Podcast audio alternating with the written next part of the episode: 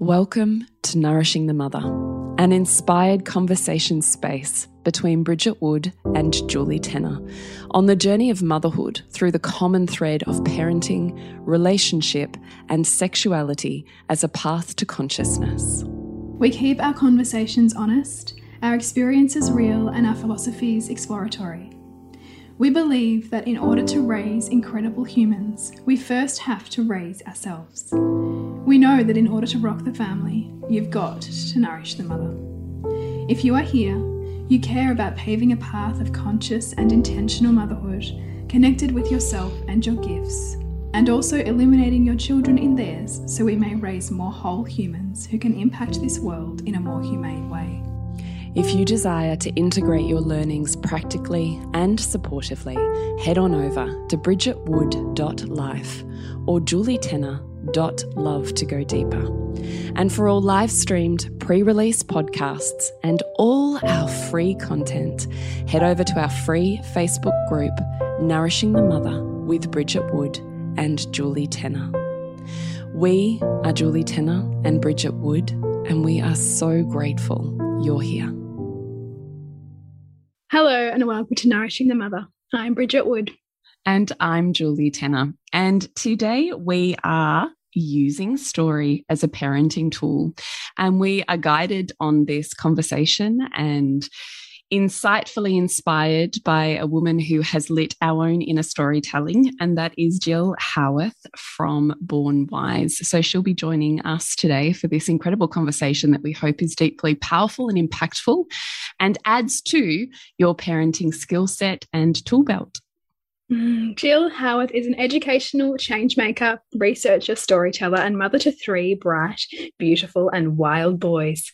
An early childhood educator with over 20 years of experience, Gill weaves her passions in story, creativity, and yoga into her educational philosophy via programs, consults, and courses via Born Wise. Honoring relationships and well being, Gill practices a philosophy of conscious education.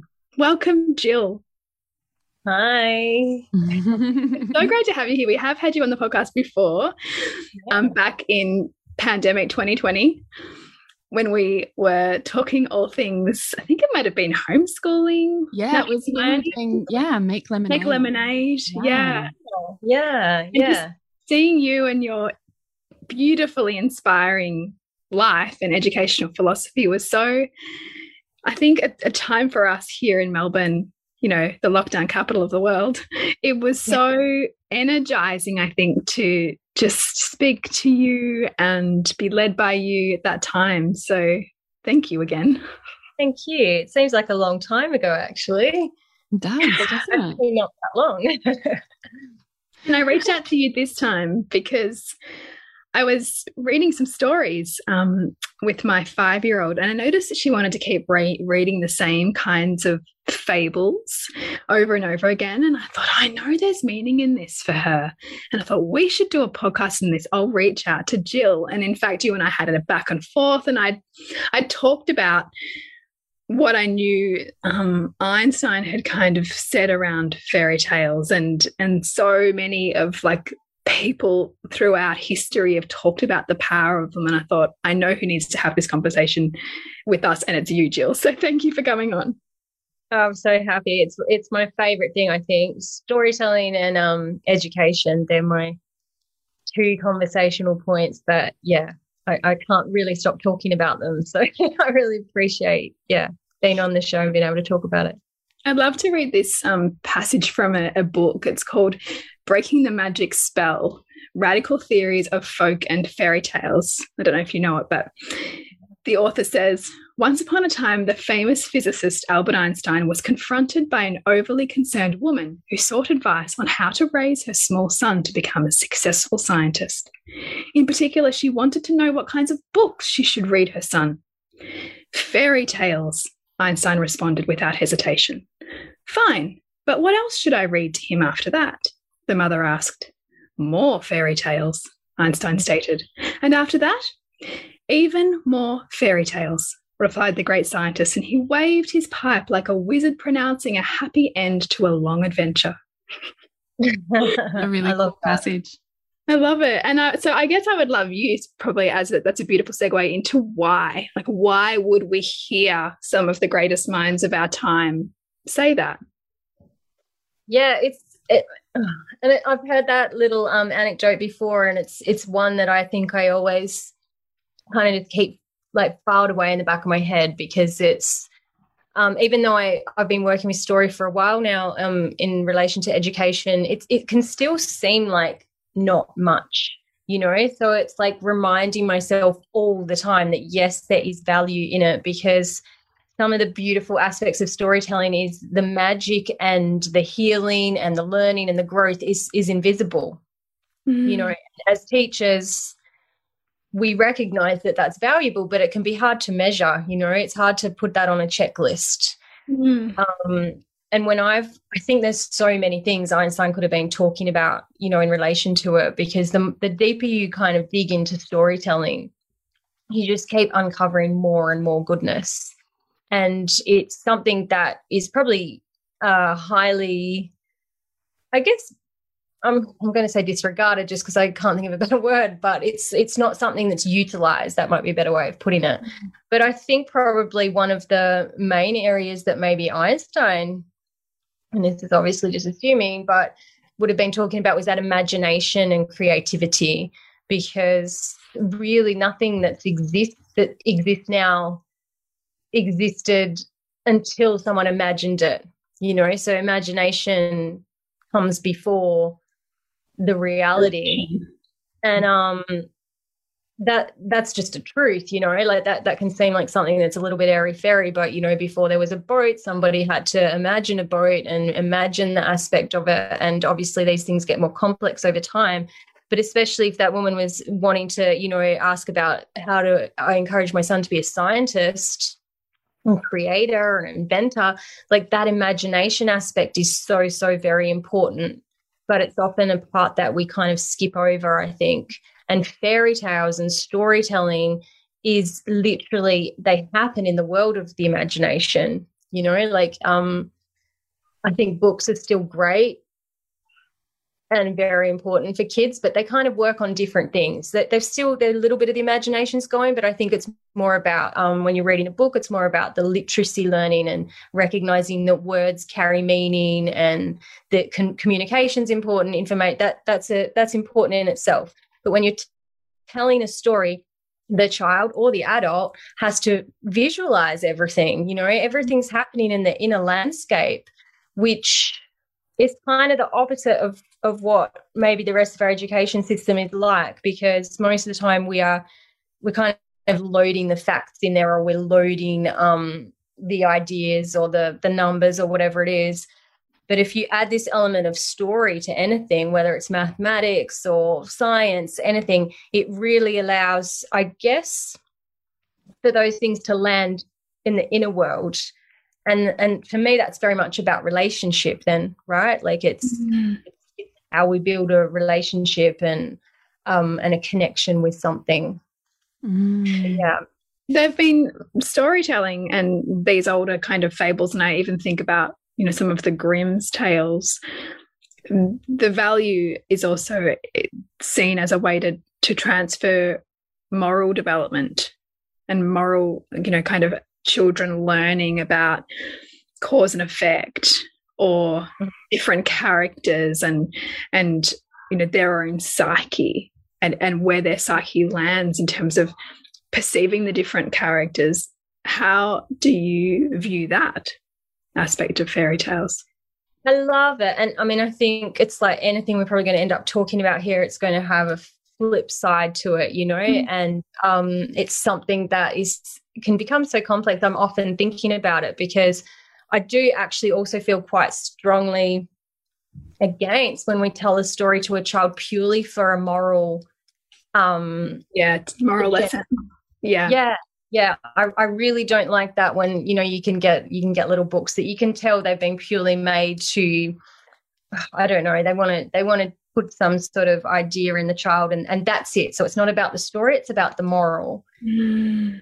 Whereas if the um, the fairy tale delivers probably many, many, many morals in one story, if that is um, allowed to kind of come through to the child in a very um, individual but also intuitive way I, I think that I think that's different. Does, does that make sense? What I'm it's saying? like a whole child philosophy of like not just we'll impart what we paternalistically yeah. think you need to know versus yes. how do we help the unfolding of this whole person and and and all parts of them. A hundred percent. story, not the sake of our agenda. Yeah, yeah. Those little shifts are really i feel like they're really important. So um there is a beauty in all of these in the fairy tales in the old fairy tales. And you know keep sort of bearing in mind that they weren't really written for children you know they were written for for adults. And it's just like they've become part of um the I think it was it would have been around the Grimm's time, maybe just after that, that they did start becoming children's stories you know, and um, what's really interesting about fairy tales, I know people, um, it's tricky. A lot of some people I've read, even sort of like famous actresses, I think it's maybe Keira Knightley said she'll never read a fairy tale to her child. And there's some, is a bit of a movement around that as well because of sometimes a, a feeling maybe that the feminine is not represented in a very respectful way and and all mm. of these sorts of things. And I feel that too, even to the point that maybe 10 years ago, certain fairy tales I was telling children in the classroom, and it felt really right to do that. 10 years later, I kind of will pick it up and go, nah, you know, I, I just don't want to share it with the children. I can't really say why. It's a it's an intuitive thing. So mm. I do believe the fairy tales move through the time, and I'm really interested as to right now, are we at a point where our fairy tales are starting to shift? which would, would would make sense because they have you know they evolve over time all of the stories before the grimms got them you know they were they've been on a journey themselves and it makes me wonder well there's a flip side to it because it's like well we tell them these old fairy tales and we deliver all this goodness like you were just mentioning bridget you know they get to experience cause and effect and the journey and the archetypes and all of this mm. amazing stuff but then there is this flip side to it it's like okay but what about what is this saying about women in this particular story? Um, so I'm thinking the world is going through a lot of change. It would make sense to me that our fairy tales start to change alongside with the sort of yeah with the times shifting with the times. Um, that that's just come through me. That's not you know I don't have any um, research to back me up with that. Mm. It's just a feeling that when I work with children, that certain stories that especially the really dark ones, mm. for some reason 10 years ago, the ones that had like that real dark element, I could tell the children and they sort of seemed fine with it. Now there's there's been a shift. I'm not sure if that's a shift in parenting or just a shift in consciousness. I'm not really sure.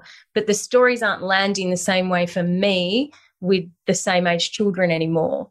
So mm. and that could actually say more about me actually as well. That could actually say a lot about my journey because when I'm telling children a story, I often pick one that I feel really connected with because I know I'll tell it in a more authentic way because mm-hmm. it's meaningful to me.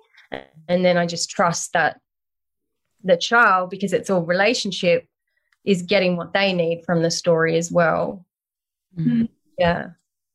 I've always loved the Jungian um, psychology perspective on story, which is all of the characters are inherently aspects of the psyche mm. versus anything to do with gender, yeah. which for me, then I wonder about like I get that movement around have have our identities in the way that's that we see men and women and others in this society changed enough that we will no longer tell the stories that maintain stereotypes attaches to that that they're gendered that they're individuals that exist within a community or a world outside of a single human. Whereas the understanding that I've always entered story with is that every character in that story, particularly with original old and traditional fables, is handed down as a way of self identifying, of seeing the dark man in you and the vulnerable maiden in you and the the witch and the dwarf and the you know like they're all aspects of psyche versus having anything to do with gender, genitals, or identity. Mm, so, yeah. I mean, how do you sit on that? Well, I love that. And I feel the same way. And I, you know, I even experimented it um, with that just because I wanted to see what that would feel like. So I think it was the, not Rapunzel, Princess and the Pea story. So I, I changed it a little bit as I was telling the kids, I made like that feminine character. You know, it wasn't about the the princess coming to her with um, the gifts and all of that, and and I changed it, and it didn't feel right to change it. To be honest, like I changed it into a much more kind of like uh, politically correct version, and it wasn't that fun to tell and the kids didn't respond to it in the same way. yeah. Yeah i think they're like oh have you just taken all the fun parts out? Given us you know a very bland version. And it felt bland. I mean maybe i just didn't do it service in that point but i i do agree because i think it's like we get um in terms of perspective we get to experience all these different um parts of ourselves and parts of humanity through the story mm-hmm. right like those I, I, actually think that's the beautiful part of um the the tales the fairy tales and the ancient myths it's, it's you, you kind of you kind of know what your own what you're personally struggling with like whatever you kind of notice that you're closing to or notice you have an edge around it's like oh there's some shadowy parts there for me and yeah. we know that as adults when we recognize what we struggle with but children know that on an intuitive level, like that, that they're, that they're those disintegrated pieces or those parts yeah. of them they haven't met yet or those parts of them that feel scary. And and you know, you and I were chatting before this about you, have had parents come to you asking for conscious stories, which sounds a little bit like what you've done, right? You've kind of like diluted aspects of it down to be more politically correct or palatable to, to diversity. But in doing that have we become too conscious that then the the true essence of the story isn't landing and actually meeting the outcome that it's designed to meet which is actually a meeting of the self and all aspects of the self that are represented in story hmm.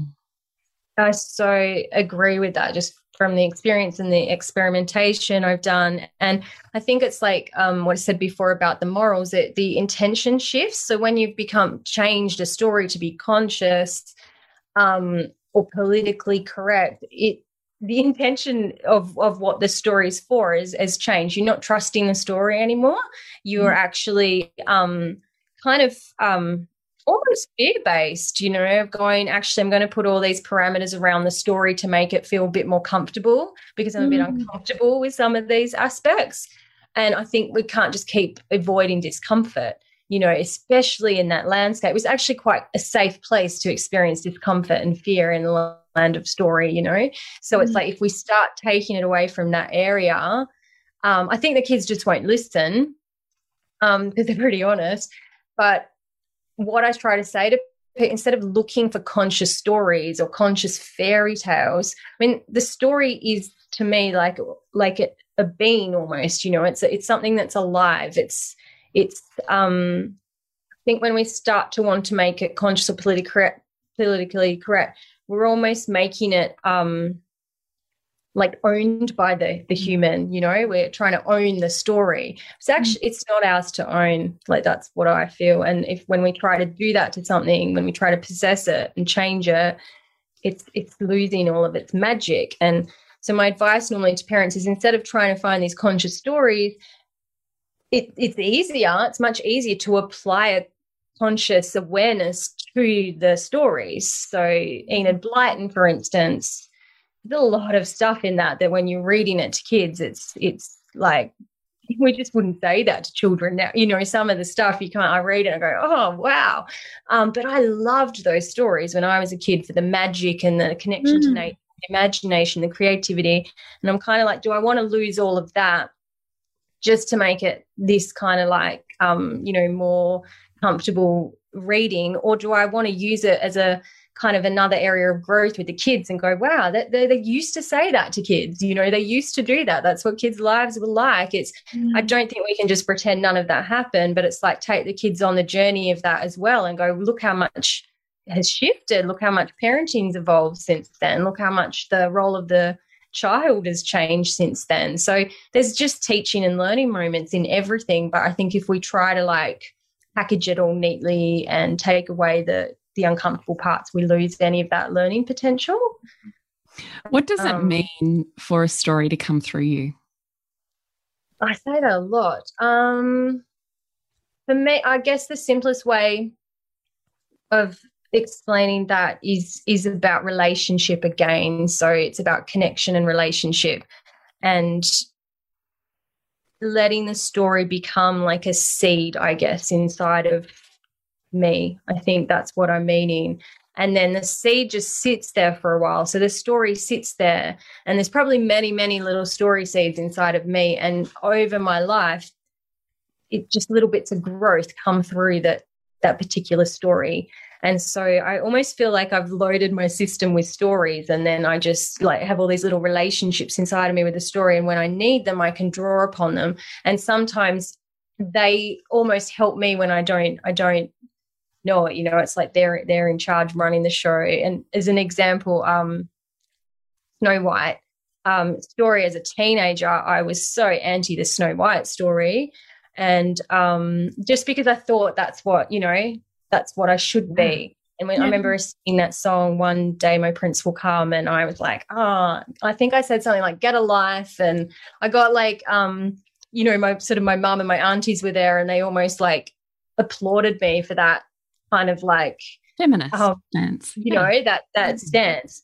And then I just, I actually had a little bit of a moment, you know, just maybe a year or two ago, where I was talking to another storyteller who's in the States who is amazing. And she just flipped the whole Snow White story for me and just put a completely different spin on it. And me even just going back and going, well, what did that mean for me to kind of put that lens on that Snow White character way back then and some of my own relationship with the feminine and being vulnerable. I mm. mean, never, you know, never ending sort of growth.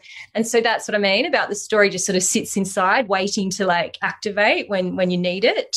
I love that and, so much. Yeah. It's funny to mention yep. Snow White actually, because that was the story I told both my girls on the way to school this morning. oh. so Lola, who's my third, I remember being pregnant with her and obsessed with Snow White. And I was yeah. convinced that I would have this child with raven dark hair and snow white skin and, you know, lips red as blood. Yeah. And of course, that's who I have. That's who Lola is. Mm. And she is every part feminine unconscious, which is what that story is about. Like she's like so feminine. It's like really hard for me. so she's all of it.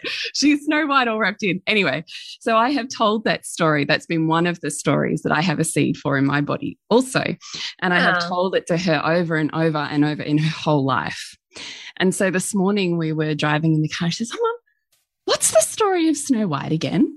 And so I thought I could just go blah, blah, blah or I could feel the story and tell the moments that I remember. It doesn't matter if I have it lyrically correct. It doesn't matter if it's like chapter by chapter. Just here's what I remember of the story. Here's what today I'm finding powerful of the story.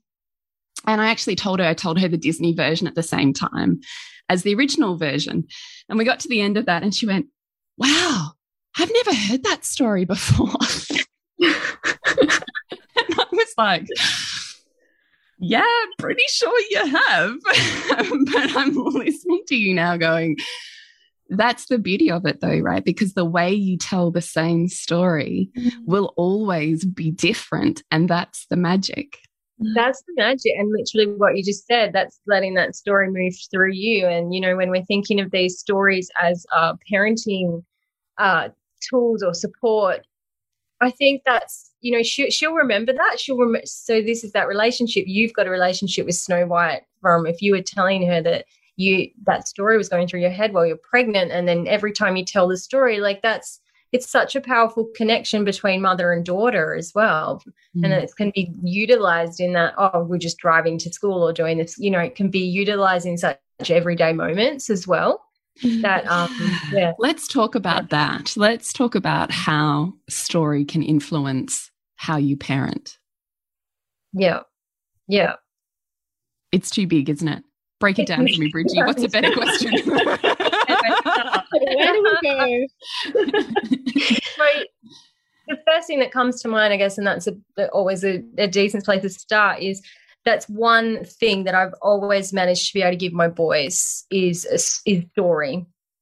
So even you know when we've had a like really bad day and I've just felt like I've completely you know made all you know one of those mistake days when it's just like everything's scratchy and weird and you're just kind of not connecting. If I can end the day with them with a story, uh, that that was one little thing that I thought I can do this. Like I can give them this. I can give them my presence.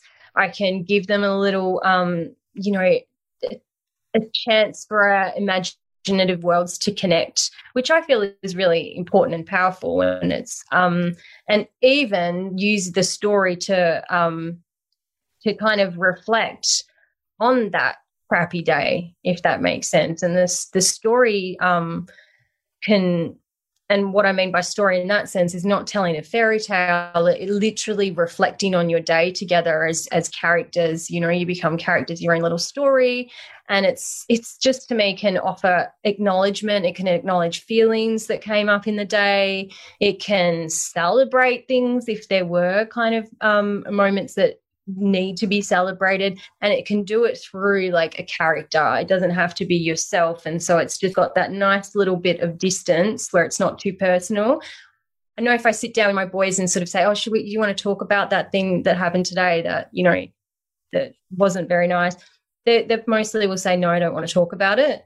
You tell them a story it's it's just creating a bit of distance so you can um you know so then the, my boys are here and I'm here and the story is almost like becomes a bridge between us, I guess. It takes some of the mm. that um pressure off. Mm. And, and, the telling, the like boom boom boom. Yeah. Telling and that kind of like um moralizing thing again. It's just sort of it's done in such a, a subtle way. It's it's yeah, it's um an, and an energy thing. I think that can be utilized. And once you start to get into the practice of doing it, it's not hard. Like I think people think, oh, how do you remember all the fairy tales and how do you remember all the mm-hmm. the myths? And I do that because that's what I use in my teaching practice, and that's what I love to do in my spare time. In my spare time, I'm looking up stories and reading books about stories. So you don't have to do that it's it's just about getting into the practice of telling telling stories. Mm. You um, don't have to do that, but gee, it helps you form a relationship with the story, which is what you're talking about. Yeah, yeah. Because by the time you've researched a story, and I know I learned from you because I've done your story weaving course, and it was just like pure magic. I just loved it. And I really sunk into what it is to not just retell something you've heard in your childhood, but instead yeah. to go beyond what is its story beyond? Where, where are its roots? How has it changed and evolved with humanity and culture and time? And by yeah. the time you've researched that, it's like having a, you know, long lost family member of some sort. You can't, like, once you've done that, you, you can't forget it because it's now you've rooted into, wow, it came from here and it was influenced by culture and time. And, and the, you know, like, it's just such an incredible and beautiful way to evolve into story. And I also love that I learned from you. And we, as we've been talking about moving into spaces of inclusion and diversity, is telling your own culture's stories. Yeah. So spending yeah. the time going back into your own ancestry. Where is the richness? Where is the wisdom? Where is the the stories that are in your DNA? Because you have inherently a different magic and relationship with them. So, mm. I mean, I certainly attribute both those learnings that sunk really deep into my bones from you. And that's totally changed the way that I approach story, I think, forever. Yeah, I'm, I'm really happy to hear that. I think there's so, um, it's so simple as well. Like I'm a big fan of simple tools. I don't, I don't, it's simple and complex at the same time. But, um, you know, a lot of the time when we're thinking, oh, we want our children to be, um, connected to their family or um, connected to nature or resilient or intuitive you know emotional intelligence how do i teach them all the things pretty much all of those things can actually be delivered through story so for me it's very much like um, that's my tool that's my thing and that's where i stick to because i've got so much trust in it mm-hmm. um, you mm-hmm. know like what you're saying julie about telling the stories of of the family um, and I've probably told Julie this, she will have heard it. I always was told a story growing up about um, my great grandmother who had a dream and acted on the dream. And in the dream, she, you know, she something had happened to her husband. She asked him not to go to work that day, and he didn't go to work. And that day, the work, the the mine, he was a miner that he worked in, collapsed, and most of the people he worked with died. Um, and I was just brought up with being told that story in a very casual way, like people cooking dinner and telling you that story. But when I reflect on that, and I didn't know what was happening at the time. It was just an interesting story. It's about my family. So I'm, you know, hanging on every word. But then I realized what that story taught me was to trust in my inner landscape, mm-hmm. trust in your dream world, trust in your intuition. Don't be mm-hmm. afraid to say these little things of um, that that just is, is an inner knowing. I also the fact that my great grandfather listened to his wife you know like there's just so many layers in it and it's a simple story that like was told in about four or five minutes. But mm-hmm. um, I've learned so much through that. I love that you've said that too. Is that we can, we inherently have story in our own lived experiences, like just from our family. Like even forget yeah. worrying about trying to. I don't know. Some people who have the perception, well, now I've got to memorize myths and fables yeah. and legends and blah blah blah. Your life is rich with story, and I would mm. say that they're some of the most like they're the stories my kids hang off you know the edge of their seats for like as you're saying is i was even as a kid i can remember being like enthralled by this story from my own lineage there's inherently this this relationship with it right so mm -hmm. instead even of looking for story outside of you what are the ones inside of you and how do they yeah because they're the lessons and the morality and the learnings that your lineage has carried down mm-hmm. right. Yeah, yeah, a hundred percent. And I mean, one I won't go all about my family stories, but another one was told about my granddad who was, um, did he he did something he wasn't supposed to do in, in war times. I think he went against um an order to do something that he didn't agree with. That was um, I think it was pretty racist towards someone else in the um whatever I don't know the army language, the group of uh, soldiers he was in, and he did he went against the sergeant's orders and then was put um, and and put in solitary confinement for 30 days as punishment for going against whatever orders this was. And you know, I mean, that story again, I don't. It wasn't told to me with an intention of of much. It was just told to me as something that happened. But I I draw upon that story now when I need strength or when mm. I need to like be able to follow my own inner justice and know that I might get punished for it at the end but I can deal with the punishment mm. because it's, it's, literally in my bloodline to do so. And that would be the same as all, you know, it's not because I'm so special that any of us that are alive today, it's because of great acts. Those stories or, and that courage. Yeah. yeah. yeah. And so drawing, it's a much easier way than someone sitting down and telling a child, oh, um, trying so badly to to teach them inner strength, you know, mm. where um, because I, I inner strength is inherent like inner strength has to be inherent in your lineage because you couldn't be here if it wasn't. Yeah. So what about if we draw or find a way to draw powerfully on that instead of look for you know the right way to consciously teach our child that? Yeah because yeah. it's it's almost the opposite isn't it of the conscious it's it's actually allowing stuff to happen that's beyond our human control. You know i think it's that thinking that we can control everything and if we if we do it in the right way then we'll get the right results. Um whereas it, well sometimes you just have to trust uh, so you know trust the story i guess for want of a better word and trust the the reason that you're even existing here is because of all of these many many many many many stories that happen to other individuals for better and worse. You know, there would be some terrible, traumatic stories in there as well, and stories of pain. And it's not just the happy stories that make us who we are. Mm. And when you realize you're carrying that, um, I feel like that's very empowering. And and small children will often respond to that really well. You know, they love to hear story, and that that's interesting in itself. Why are they so interested in that?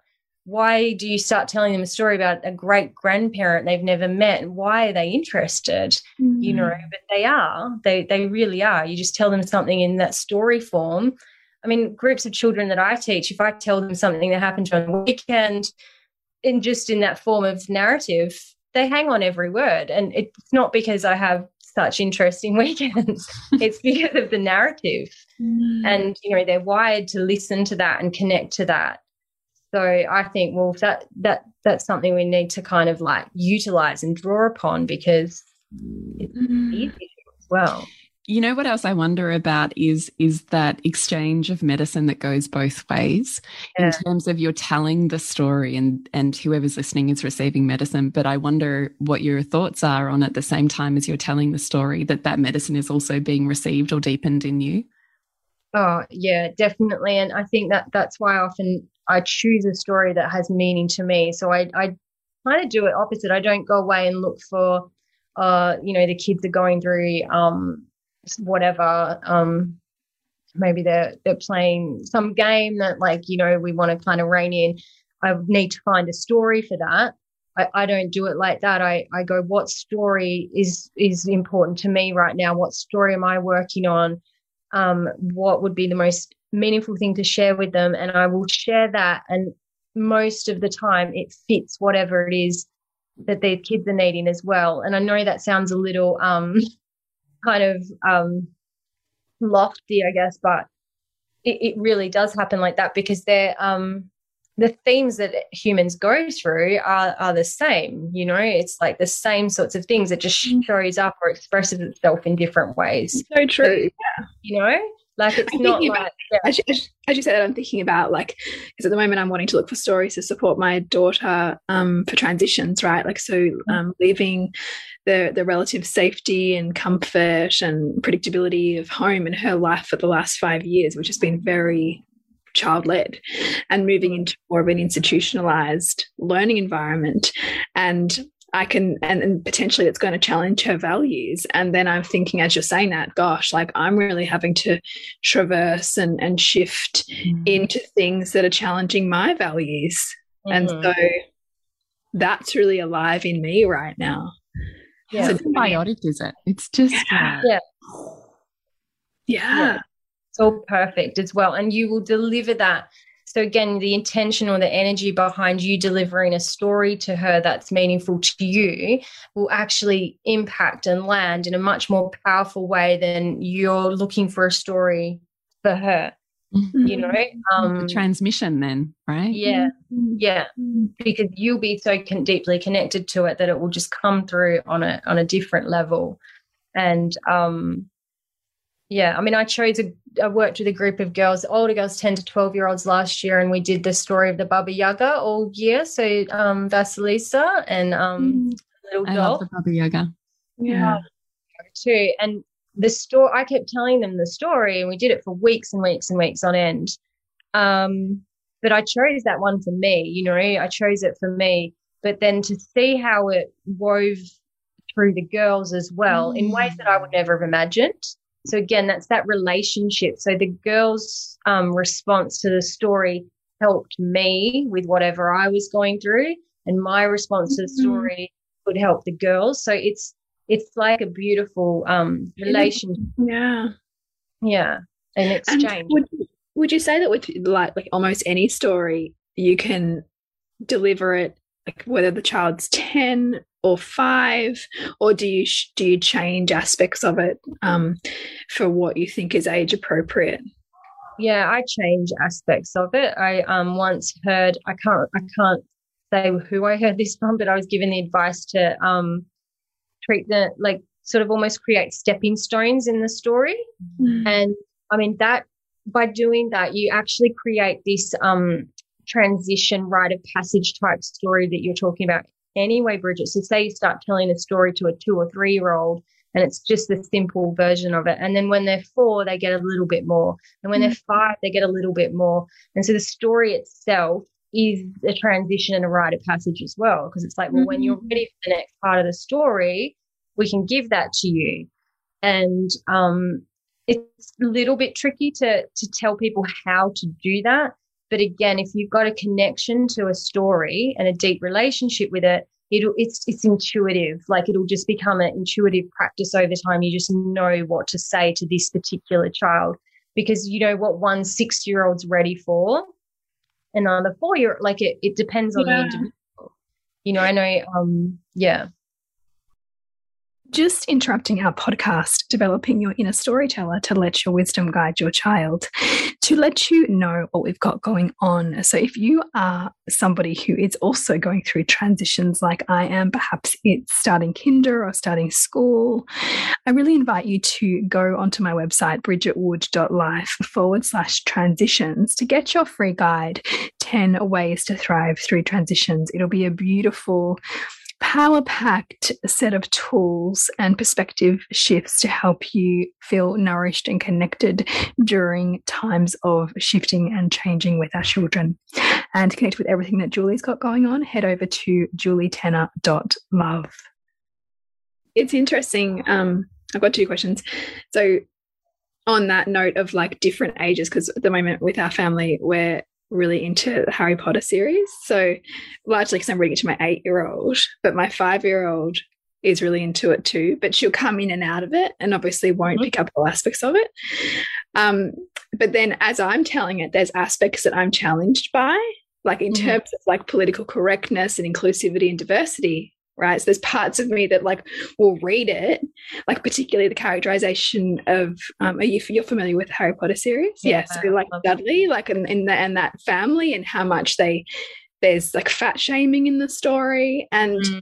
like how much do we recognize that there's going to be a lot of focus on physical attributes to build characters, and then how much do we also use that as like a learning opportunity with our children to help them understand how people might feel when we talk about people like that. Like, you know, the mm-hmm. nuance as we tell stories and what's for us and what's actually for the child in a story like that. Like, what would you sort of say mm to manage that? There's there's many like I guess levels to it. I guess first of all with um not specifically Harry Potter, but just in general, when those things turn up that like um like the body shaming, it, that sort mm -hmm. of mm-hmm. thing. Um, I think it's well, stories and narrative just reflect the world we're in. So until we're a world that doesn't have any body shaming in it, it's going to turn up in our stories and yeah, and world, right? It's it's um such an interesting way of looking at it. How fascinating! Yeah. This is a way of discussing culture and socialization. Yeah, and as Tara would say, those wheels of that, like actually being yeah. able to see the wheels of socialization as opposed to trying to edit them out so our kids That's, don't notice them. Because Isn't that interesting? Well, I even even with that story because I was reading it, going and I was like bristling a bit, and I was thinking if this because it was written 25 years ago, uh -huh. or maybe more, um, would it be written in just in the same way?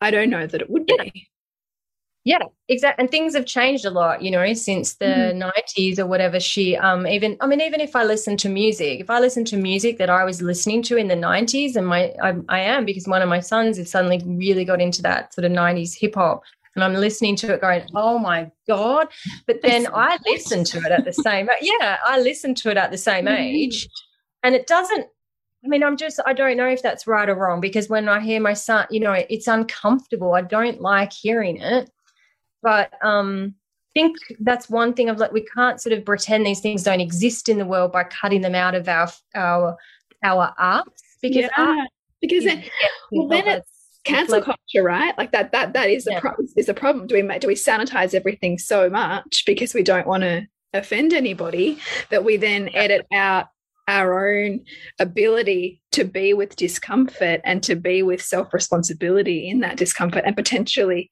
be so uncomfortable that we then reflect on our part in that and our exactly. part in perpetuating that or not perpetuating. Yeah, because you know they're exaggerated characters, obviously, but elements of that exist in the world. That's why they're in the story, and then it's um, and even if it's not as you know, maybe if she'd written it now, she wouldn't have written those things but it doesn't mean it's gone from our world yet. It just means we've learned a little bit more of actually don't say that. You don't say that yeah. out loud.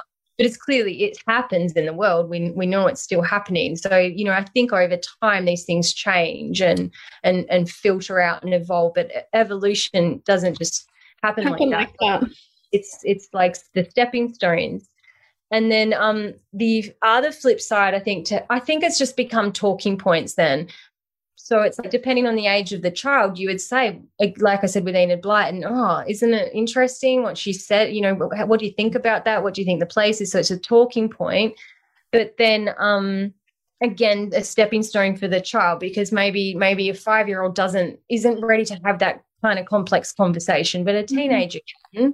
Mm. Um, I, the advice I was given with Harry Potter a long time ago, and I'm still, you know, I don't know again, like right or wrong, was that the books should be that rite of passage like Harry himself. So if you start a child reading them at 11, so the, the first book, I think Harry's 11, yeah. and it's sort of there's this that's in it's um, appropriate for an 11 year old mm-hmm. and then a 12 year old and then because he he grows obviously a year in each of the books mm. and by the time he gets to 16 that's why the books are a lot darker and a lot like a lot more is going on because the character has evolved and it was one of those really interesting times where pe- the readers could evolve alongside mm. with the character um mm. it's pretty really fascinating it's super interesting. Um, yeah, but I know a lot of younger kids now reading Harry Potter. I mean, I read Harry Potter when I was like my late teens, twenties, I think, early twenties. But my younger cousin literally was the age he was 11 when the first one came out, and he so he grew with Harry Potter, and I was yeah. thought, oh, that's fascinating. Mm. Yeah, but they're quite dark. Those books. They are, yeah, they, they definitely get darker. Yeah, so, yeah. Yeah, what have been some of your favorite stories, Gill? What are your like, you know, they are the stories that I just kind of keep in my heart. Like fairy tales or book, just anything kind of thing. Anything, yeah. It's definitely, um, it would have changed over time. And I mean, my child, I was a massive reader as a kid. Like I read and I read, and I, my mom used to take books off me to send me outside. Um, so I think those sorts of Enid Blyton. Anything fantasy was really my thing, I guess, which is probably why I really got into the Harry Potter stuff as, as even like someone a bit older. Anything that had any magical elements to it. Um, I'm pretty sure my nature connection, my my my the way I can find um, peace in nature is I think highly connected to the the obsession with Enid Blyton books because there's I remember it now when the kids used to jump over the ditch into the enchanted wood and they would feel the energy shift and they would feel the magic. I knew that feeling so well that I think it's so deeply ingrained that now I just have to go out into nature by myself and I can, I feel like I would, I'm in one. That's freaking genius, isn't it? Those books. I love so it's, it's something, my inner world's really strong, I think, because of those books. So Roald Dahl, I mean, so many books, though, um, and stories. And then fairy tales, just as an just now in the last four or five years, I'm I'm rebuilding my relationship with fairy tales because I did have like a pretty anti um yeah, princess yeah. idea as a kid, you know, not as a kid, as a probably teenager. Yeah. So I'm just rediscovering those fairy tales and realizing that there's some amazing I mean, even Bible, I even read the Bible as a kid. Mm. Like I just love stories so much because the, the world religions of stories, you know, education stories, stories are creation stories and religious stories are among the most fascinating and actually yeah. most laden with metaphor. Yeah. And yet we I think the problem is is that, you know, we we um well, I think there's lots of problems that I probably don't need to go into in a public podcast. But what I want to say is I actually think there's an incredible value in revisiting those stories. So I didn't grow up Catholic, but my kids are. And so I've bought all sorts of biblical stories from and Bridget, you know, because you were Catholic, what is the early testament? And there's like three yeah, Yeah, the Old Testament and the New Testament. Yes. Yeah. And so they had these beautiful child versions. They've got Lego versions. And oh. so, yeah, yeah. And so I've sat down and really read those stories with my kids. And um, you know, still one of my son's favorites is the Prince of Egypt and that whole, like, particularly in the Old Testament, they are among the most mm. incredible metaphorical stories that you will ever read. Like, they're mm. just wonderful. So mm. I do think it's worth visiting all cultures' origin stories and how they tell their own versions of spirituality.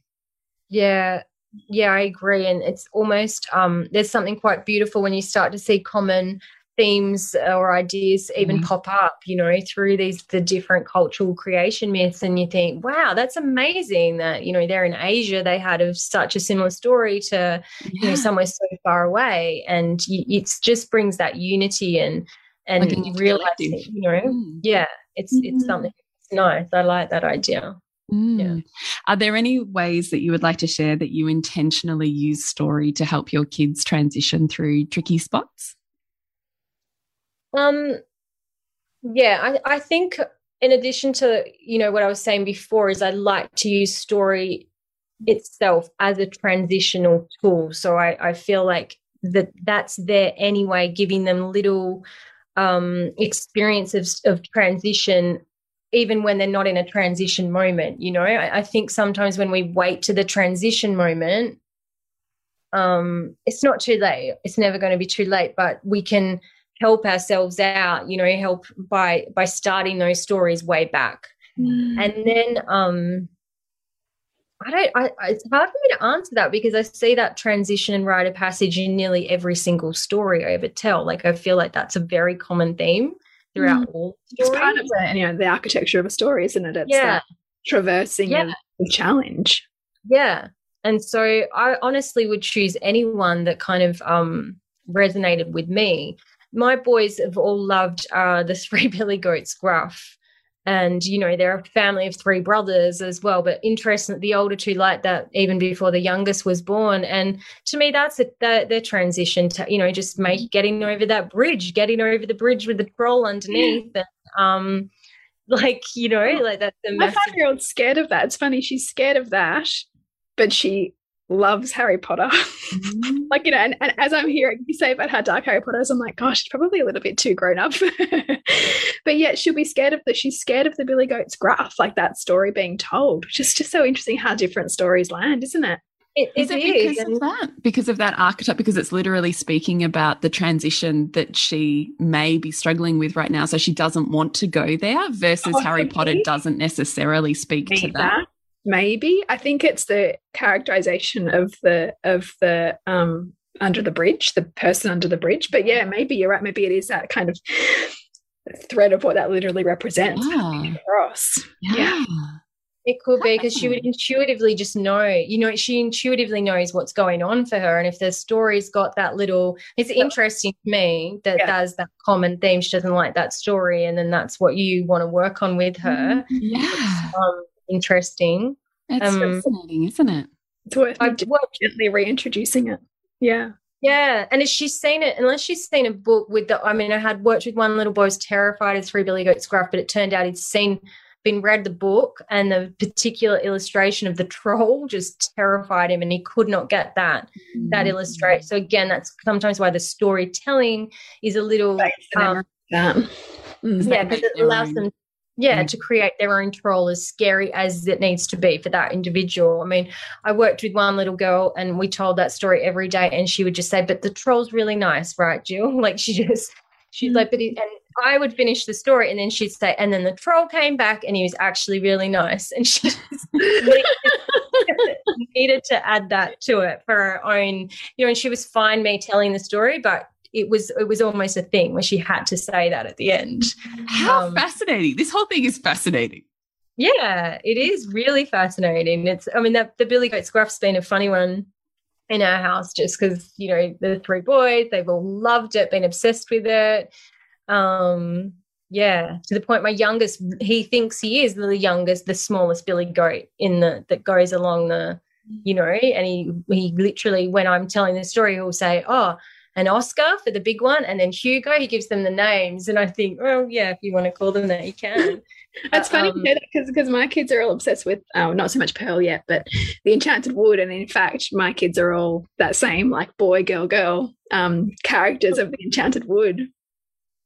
yeah that's amazing i think they're pretty um they're pretty they know what they're doing kids know how story works they're not you know they're not sort of been through the kind of life and conditioning we have to go oh that's just imagination. It doesn't matter. That's just a story. It's not important. They they they're not there so they just have the trust with it. And it's just the story is beautiful for them because it is you know there's not an agenda. It's just the story itself is enough.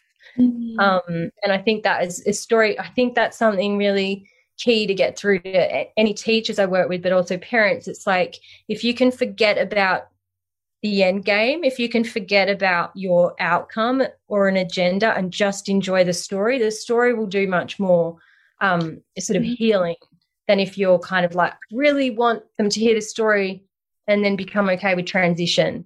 You know, mm-hmm. it's, it's taking away that agenda and outcome seems to be necessary for it to for the story to really take the journey it needs to take. For it to be medicine, because if you have like an outcome of how you think it needs to be, it's like they'll they sense kids are so they sense that if you've got you know oh yeah yeah they know they know well. before we wrap up i'm just interested in what you would say to parents who are just wanting to know how to trust themselves more to start bringing more of their own storytelling into how they parent and bring connection. What I loved about hearing you say before was even if I've had a super rough day, I always knew I could find one story that spoke to my heart and share that with my kids at the end of the day. Or I could tell the story of our day and we would still find a sense of regulation and connection to end that day. So, what would you say to parents who are wanting to trust themselves more to do that?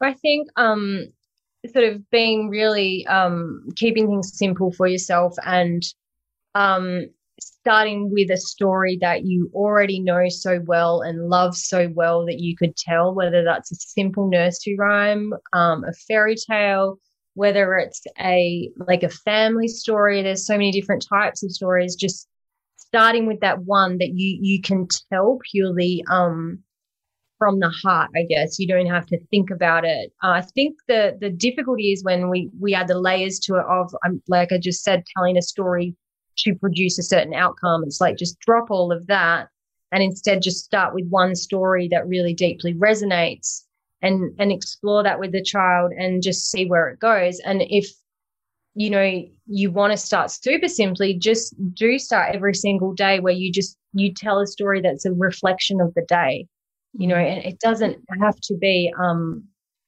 a complex story at all. Like it can literally be you know we got up and we went to school. Like it doesn't have to be you know anything exciting with like great big characters coming in. And um another probably even simpler idea i guess i just thought of is telling the child a story about themselves from a younger time so telling because we can do that as parents and we like to tell our stories of our children. So I mean my eldest loves to hear stories about himself from, you know, when he was two or three. You know, that time they don't remember anymore. And can be as simple as, you know, you loved getting up to um get in the fridge and get something out of it you know whatever like whatever their or their favorite toy they had as a 2 year old or um special you know the way they use language as a two year old yeah. i think that's a really nice starting point because it, it, it allows you to kind of connect to this tool of storytelling in a way that's probably going to come quite naturally to you and the child's getting a lot of um a lot of goodness out of that as well because it's about self connection and self identity mm. and um they say that there's that healing quality of hearing your own story being told. Mm. And I mean, you don't, you know, you could get into it quite deeply, but if you, it, it's a theme in some of the, like, I think even some of the Greek myths, um, I can't remember the characters, not come to my head, but when he went on a journey and he ended up somewhere and he was told, I can't remember the character, but he was told a story about his journey, but the storyteller didn't know it was him who, and when he heard his own story told through the the sort of words of a stranger, he um, sort of broke down in tears. And it was kind of a pivotal point in the story where the the hero kind of like changed the whatever direction of his story. And it's the same kind of aspect. I think we we can um, really gift our children a lot by telling them their own story. Mm. So, and I think that's an easy place for parents to start as well. Mm. Yeah, it's, it's, a beautiful reminder of all the ways in which you actually are already a storyteller because it can be really easy to go, oh gosh, I'm not a great storyteller. Yeah. Like I tell myself that for sure. But I can see how, well, yeah, I, I tell stories all the time to my children. I yeah. think we're all storytellers. We're not necessarily all entertainers. And I think storytelling's got a like, um, like confused with being an entertainer. And I mean that that was my biggest issue when I was a new teacher and I was given this uh, practice of storytelling by my mentor.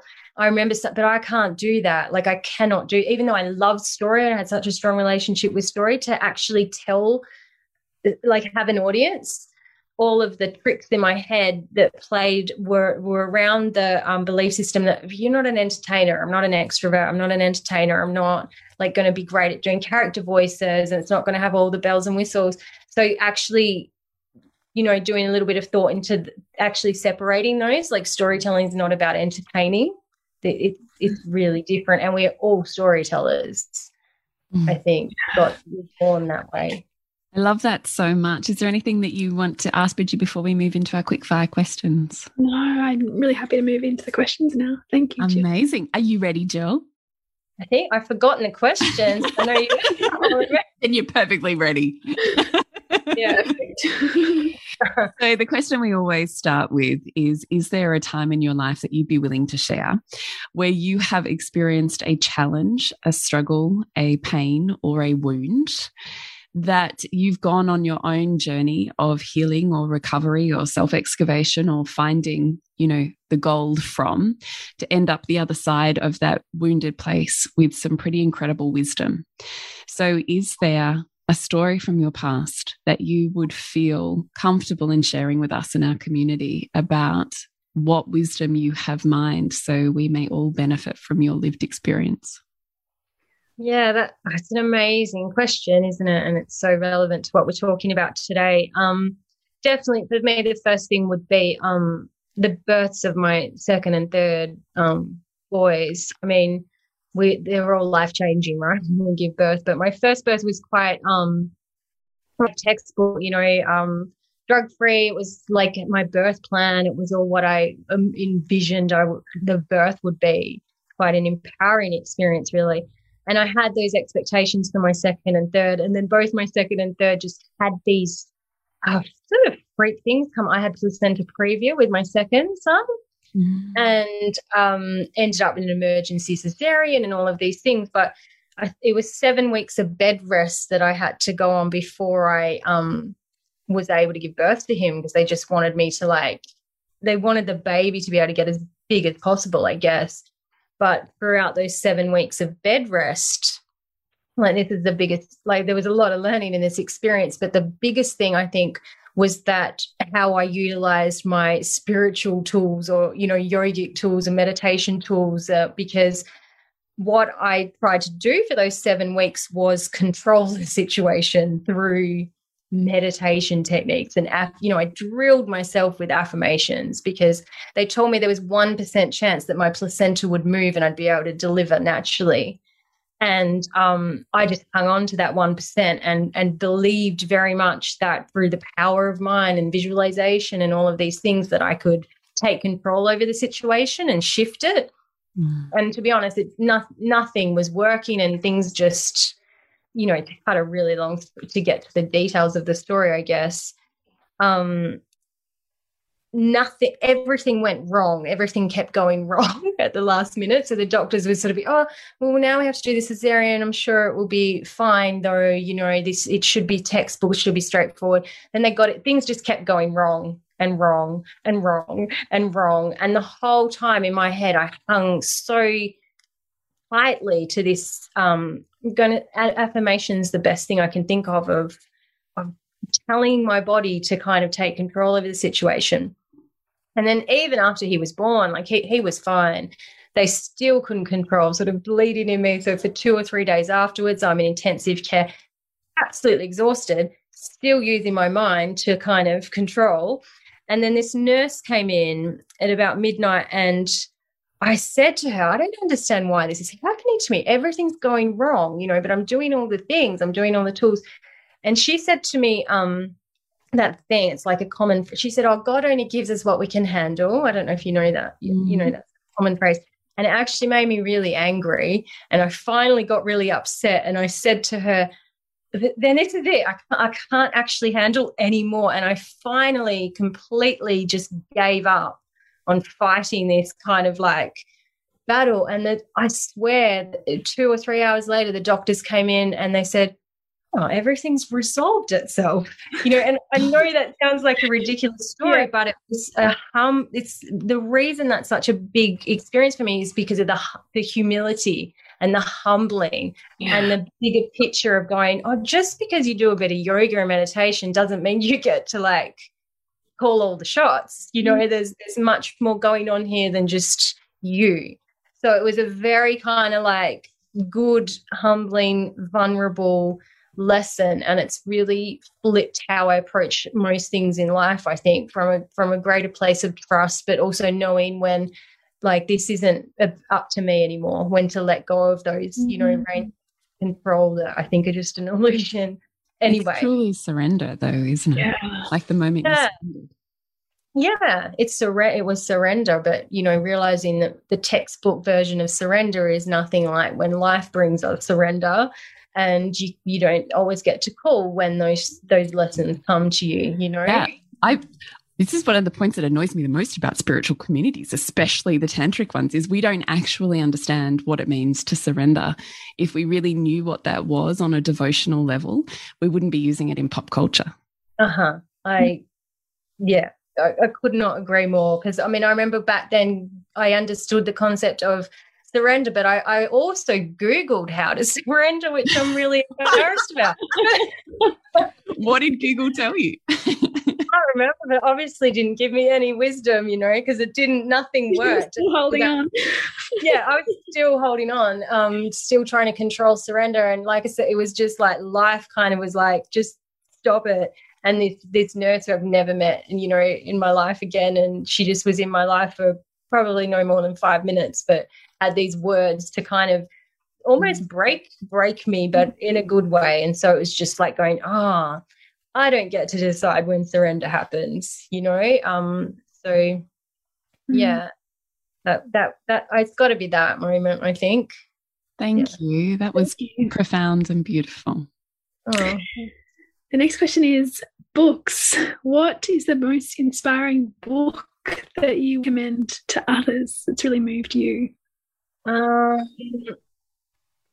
oh, so probably fiction. I'm a big fan of um in term I don't normally recommend parenting books, but um Robin Grille's book, mm-hmm. Parenting for a Peaceful World. Mm-hmm. Um, I've just found that so inspiring. And again, a little bit of humility in that of just, you know, let's look at the big picture of some of how things happen and and letting go of some of the control. I love I love his work. So I find his work really inspiring on that kind of non-fiction level. And then, um, oh, the uh, the Alchemist. Oh yeah, great book. Yeah, mm-hmm. that's probably one that just throughout my life I've read sort of periodically. It kind of pops back up, and I read it again. Um, yeah, what was there was another one I was going to suggest. I think then oh, and The Element by Ken Robinson. That's a book that mm-hmm. really meaningful to me as well. So um yeah. Oh, thank you. Great mix. Um if you could have a billboard on any highway, what would it say? um as soon as I saw this question and thought of it, like I'm just I'd like to go with the first thing that comes up, and um, it probably doesn't make any sense, but for me, something that I would like to see when I was driving, and that I would like the you know opportunity to to to ponder on is if it just says um the words that came to me were just uh, where where have you been? Where are you going and I know that sounds a bit random for for a billboard, but I like being given invitations to reflect, you know. So just stop and where have you gone? Where have you been? And where are you going? Would definitely be around that for me because I think reflection is like our biggest um I think again, I'm I'm a big fan of all the kind of subtle, invisible tools in life, like reflection, story, the things that are hard to measure. I think um kind of yeah, that message would is is meaningful to me. Mm, I love that because even where have you gone? It's just an invitation into telling your own story or building your yeah. own your narrative, isn't it? Yeah, I didn't think of. Yeah, yeah, that's true. Mm. Oh, thank Gill, you so much, Gill. Mm, we would love for you to share how we find you, connect with you, and what are ways that we can jump into your work in the world. Thank you. Um, so I work under the name Born Wise. I offer um, programs for children, but also um, courses and consults for for families. Yeah, via www.bornwise.com.au. And also, I've just recently um, done a collaboration with a local yoga teacher that I'm really proud of, um, called the Light Weavers, and that is drawing upon the um, power of story and um, in guided meditations for kids. And there's an inner world curriculum attached to that, which I just it's it's focusing on all those things that I said that are important to me, the invisible stuff that um, is not something that we put a lot of emphasis on, but it's how families can use a few different practices and um, creative practices to to build like an inner landscape, I guess, for for the whole family. So it's for all ages. Mm. Sounds amazing. I'm going to check that out. Thank you. so, for any of our listeners wondering, we'll have all of those links in the show notes so you can scroll on down there and find them too. Mm. Remember to nourish someone to rock the family. And we'll see you next week when we continue to peel back the layers on your mothering journey. Thank you so much for listening. We literally couldn't do this without you. Please share this podcast with anyone you think it would be medicine for. If you desire to integrate your learnings practically and supportively into your life, then head on over to bridgetwood.life or julietenner.love to go deeper. And if you feel like giving back a little to this free content, please rate us on iTunes or Facebook, all of which helps the podcast reach more mamas who need this type of tonic for the soul.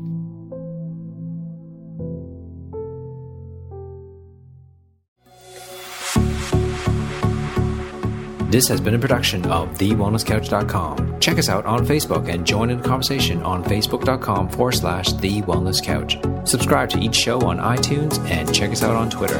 The Wellness Couch, streaming wellness into your lives.